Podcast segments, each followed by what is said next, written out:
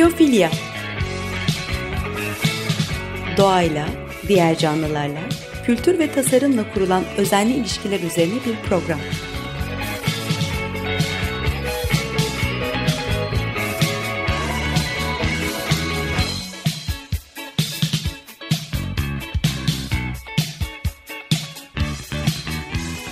Hazırlayan ve sunan Nurhan Healer.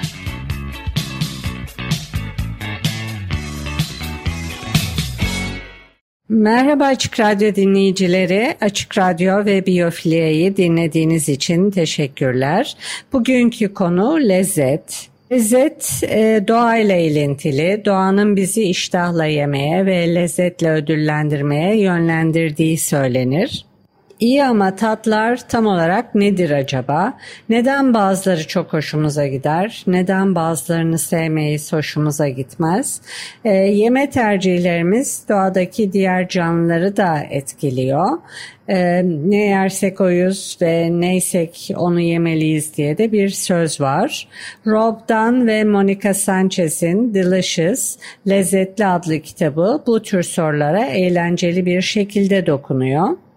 Rob Dunn ve Monica Sanchez yemeklerin neden zevkli olduğuna ve lezzetli tatların peşinde koşmanın insanlık tarihinin gidişatına nasıl rehberlik ettiğine dair yeni bir bakış açısı getiriyorlar. İlk aletlerin icadında, dev memelilerin yok oluşunda, dünyanın en lezzetli ve dolgun meyvelerinin evriminde, e, biranın yaratılmasında bira, ve kendi sosyalleşmemizde lezzetin oynadığı rol üzerinde duruyorlar. E, kitapta sahip olduğumuzu bile bilmediğimiz tat alıcıları, paleolitik sanat ve peynir arasındaki ilişki gibi ilginç konular da var. Milattan önce 1. yüzyılda Romalı şair Lucretius dünyanın maddesel olduğunu, yalnızca atomlardan ve atomlardan oluştuğunu savundu. Atomlar ayı, çiti ve çitin üzerindeki kediyi oluşturuyordu. Ayrıca kedinin üzerine atlayacağı fareyi de ölünce faredeki atomlar kedinin vücudunda yeniden düzenlenip var olmaya devam edeceklerdi. Böyle bir dünyada zevk vücudun maddi ihtiyaçlarını karşılama mekanizmasıydı. Ee, zevk kediyi fareye yönlendirdi. Zevk doğaldı, hoşnutsuzluk da. Lucretius'a göre zevklerin ve hoşnutsuzlukların doğallığı bir hedonizm çağrısı değildi. İyi bir hayat, zevklerin tadının çıkarıldığı ve hoşnutsuzluklardan kaçınılan bir hayattı. E, Lucretius fikirlerini De Rerum Natura adlı bir şiirle anlattı. Şeylerin doğası veya evrenin doğası üzerine olarak tercüme edildi bu şiir. Bu şiir sayesinde Lucretius fikirlerini geniş bir kitleye ulaştırdı. Aslında tamamen yeni fikirlerde değildiler. E, Lucretius kısmen Yunan filozof Epikür'ün fikirlerini yineliyor veya yeniden yazıyordu. Ancak bu fikirlere yine de yeni bir netlik ve güzellik kattı. Ee, Batı Roma İmparatorluğu çöktüğünde Lucretius'un sözleri de yavaş yavaş kaybolmaya başladı. Geç Orta Çağ'da Lucretius'un var olduğuna dair birincil kanıtlar çok azdı. Ee, evrenin doğası üzerinden kısa alıntılar yapanlar sayesinde biliniyordu ancak. Batı Roma İmparatorluğu'nun çöküşüyle birlikte e, eski Romalıların ve Yunanların büyük edebi ve bilimsel eserlerinin çoğu yok oldu. Yakıldılar, yırtıldılar veya ihmal edildiler. Bazı eserler kalıcı olarak kayboldu ama hepsi değil tabi. Birçoğu Bizans'taki Müslüman bilginler tarafından kopyalandı ve incelendi. Diğerleri de manastırlarda korundu. Neyse ki Lucretius'un şiir şiiri kurtarılan el yazmaları arasındaydı. 1417'de On the Nature of the Universe, e, Poggio Bracciolini adında huzursuz ve meraklı bir keşiş tarafından bir Alman manastırında bulundu. E, Poggio, Lucretius'un çalışmalarının güzelliği karşısında e, şaşırmıştı, hayran kalmıştı. Ama zamanla Lucretius'un tanımladığı doğal zevklerle dolu bir dünyanın bir ortaçağ Hristiyan olarak öğrendiği her şeyle çeliştiğini fark etmeye başladı ve şiiri e, eleştirir oldu. Ancak bir katibe bir kopya yapmasını emretmekten de geri kalmadı. E, bu arada bazıları için Lucretius'un fikirleri Batı medeniyeti için bir tehditti. Zevk ve dünyanın materyalizmi konusunda konusundaki bakış açılarının o zaman olduğu gibi e, şimdi de kutupları var. E, politik tarafı olan bu soruyu çözmek belki şu an mümkün değil ama zevk ve hoşnutsuzluk neden var sorusunun cevabı tartışılabilir. Zevk beyindeki belli bir kimyasal karışımdan kaynaklanıyor. Lezzet de öyle. Yemeklerin tatları ile ilişkisi zevk alma durumu söz konusu. Ee, bir hayvanın vücudu hayatta kalmasına ve üreme şansına yardımcı olacak şeyleri yaptığı için e, bu kimyasalları ödül niyetine üretiyor. Ee, Lucretius'un fark ettiği gibi bu insan insanlar için olduğu kadar fareler veya balıklar için de geçerli. Hoşnutsuzluk ise tam tersi hayatta kalma ve üreme olasılığını azaltan şeyler yaptıkları için hayvanları cezalandırıyor. E, zevk ve hoşnutsuzluk hayvanların kendilerinden daha fazlasını yapacak ve genlerini aktaracak kadar uzun süre hayatta kalmalarını sağlamak için doğanın basit bir yolu. Herhangi bir hayvanın ihtiyaç duyduğu şeylerden biri doğru yemeği yemek, bir türün hangi besine zevkle rehberlik etmesi gerektiği biyolojik stiyometri ya da stokiyometri adı verilen bir bilim alanı tarafından tahmin edilebiliyor. Biyolojik stiyometri dünyanın nasıl çalıştığına dair e, muazzam sonuçları olan bir alan ama beraberinde belirsizlikleri de taşıyor tabii. Biyolojik stiyometri çok da duyulmuş bir şey değil. Biyolojik stihometri ya da stokiyometri tek bir denklemin çeşitli versiyonlarını dengelemekle ilgileniyor. En basiti bu denklemin sol tarafı e, yenen organizmaların yani avlanan şeylerin bedenlerinden oluşuyor. Kendi hayatımızda tükettiğimiz tüm hayvanları, bitkileri, mantarları ve bakterileri düşünelim. E, denklemin sağ tarafı ise şimdiye kadar ürettiğimiz tüm atıklar ve kullandığımız tüm enerjiyle birlikte yiyicinin, avcının bedeni oluyor. Lucretius'un da belirttiği gibi hayvanlar e, birbirlerinden hayat ödünç alıyorlar. Stiyometri e, kuralı denklemin dengelenmesi gerektiği, e, gıdada bulunan besinlerle tüketicidekiler e, nihai olarak eşleşmeli. Bu işlerin daha da zorlaştığı, sorunun e, nehrin bir tarafında bir erkek ve iki köpek, diğer tarafında bir kadın ve bir kano ile bir ilkokul ev ödevi sorusuna benzemeye başladığı yerde burası. E, Birillat Savarin şunu söylemişti, ne yersen olsun ve neysen onu yemelisin. Ancak işin zor yanı, avcı ile avı birbirine bağlayan denklemin sadece nitrojen ve karbonla ilgili olmaması, ayrıca yırtıcının kendisi için yapamadığı diğer besinlerle de ilgili. Sonuç olarak avcı ve av nitrojen açısından olduğu kadar magnezyum, potasyum açısından da dengede olmalı. İnsanlar gibi memelilerin vücutlarında kobalt atomlarından 375 e, milyon kat daha fazla olan hidrojen atomu var. Bugün bilim adamları insanların ve diğer memelilerin temel içerik listelerini büyük bir hassasiyetle hesaplayabiliyorlar.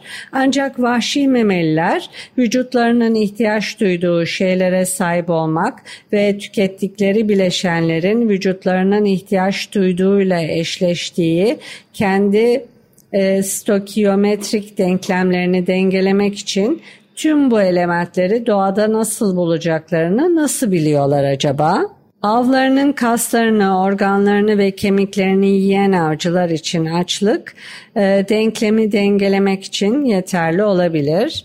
E, daha fazla seçeneğe izin veren diyetleri olan hayvanlar için işler daha da zorlaşıyor. E, otoburlar veya omnivorlar için yaşam özellikle daha da zor. Birçok element hayvanlarda bitkilere göre çok daha yüksek konsantrasyonlarda bulunuyorlar. Bir omnivor rastgele bazı bitkileri ve bazı hayvanları yerse sodyum, fosfor, azot ve kalsiyumdan yoksun bir diyetle sonuçlanabilir.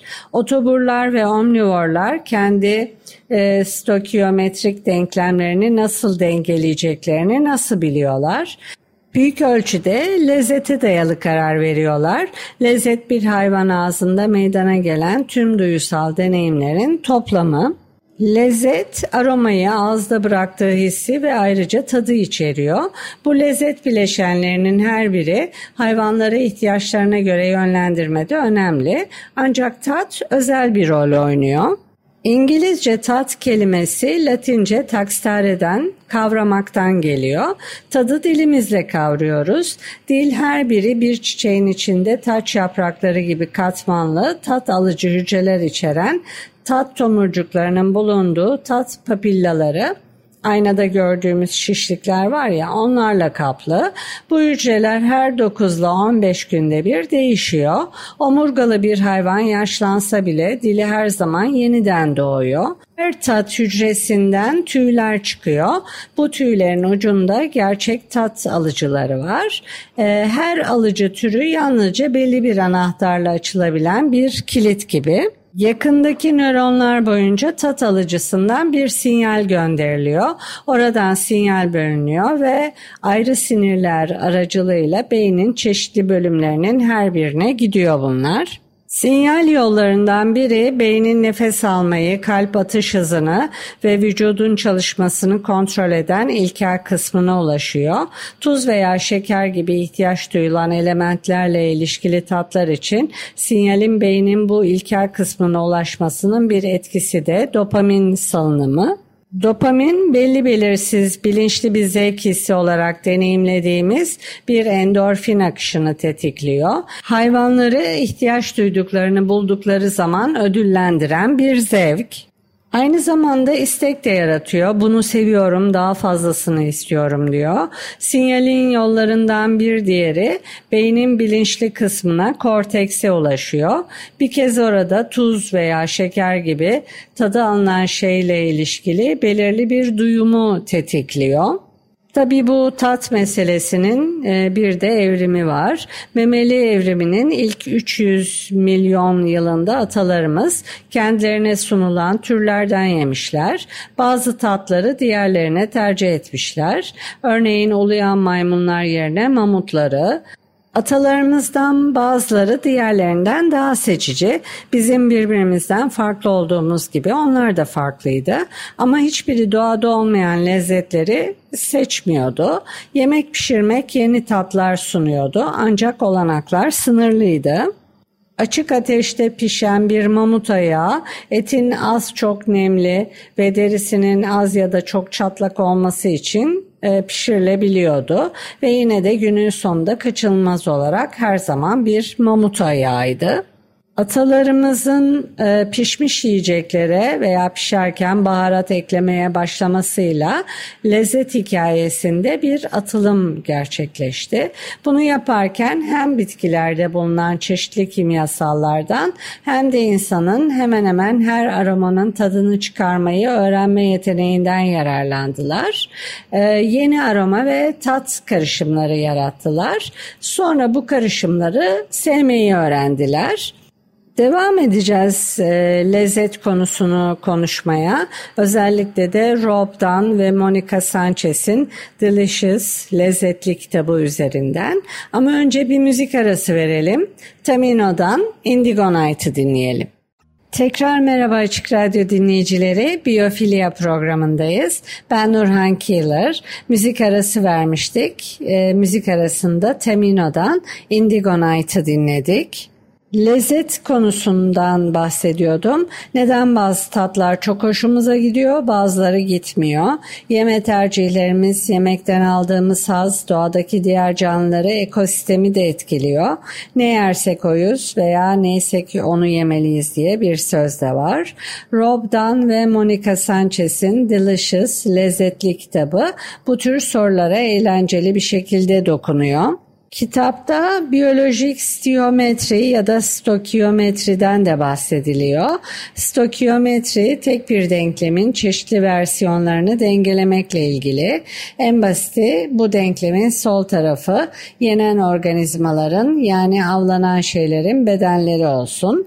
Ee, kendi hayatımızda tükettiğimiz şeylerde sağ tarafı olsun. Ee, yani şu ana kadar tükettiğimiz tüm atıklar ve kullandığımız tüm enerji enerjiyle birlikte e, yiyicinin, avcının bedeni bunları dengede tutmak önemli. E, tükettiğimiz şeylerden hayatlarını ödünç alıyoruz. Onları bünyemize alırken onların bir parçası haline geliyoruz veya onlar bizim bir parçamız haline geliyorlar. Bilindiği kadarıyla insan dışında hiçbir tür birden fazla malzemeyi karıştırarak yemek yapmayı öğrenmemiş. Şempanzeler etlerine bezelye veya baharat eklemiyorlar. Ek olarak yiyeceklerini baharatlamak insanlar arasında evrensel de değil. Bazı insanlar baharat kullanmıyor. Mesela Nomads of the Longbow'un yazarı Alan Holmberg, Bolivyalı yerli halk Siriono'nun yemek pişirmek için herhangi bir baharat kullanmadığını gözlemlemiş. Yanomame'de dahil olmak üzere diğer Amazon avcı toplayıcı toplumlarının geleneksel diyetleri de benzer şekilde baharatsız. Ee, birkaç istisnadan biri bazı bitki türlerinin küllerinin bir tuz formu olarak kullanılması gibi görünüyor. Amazonlar bu konuda benzersiz değiller. Birçok insan grubu geleneksel olarak yemeklerinde hiç baharat kullanmamış veya çok az baharat kullanmış gibi görünüyor. E, genellikle otlar olarak adlandırılan bazı baharatlar e, bitkilerin yapraklarından ibaret. Nane, kekik, fesleğen, defne ve limon otu hepsi şifalı otlar. Yapraklarının çoğunda bitkinin kimyasalları depoladığı küçük dolgun küreler var. Küreler ağzımızda küçük bombalar gibi patladığında veya yaprakları kesip yırttığımızda kimyasallar patlayarak havaya yükseliyor. Tolum şeklinde olan başka baharatlar da var. Hardal, kimyon veya anason gibi. Ee, biber, karabiber, limon ve misket limonu dahil diğerleri bütün meyveler. Bu arada sarımsak, soğan, karanfil ve safran bir çiğdemin dişi kısmı. Baharat kullanımı basit görünüyor.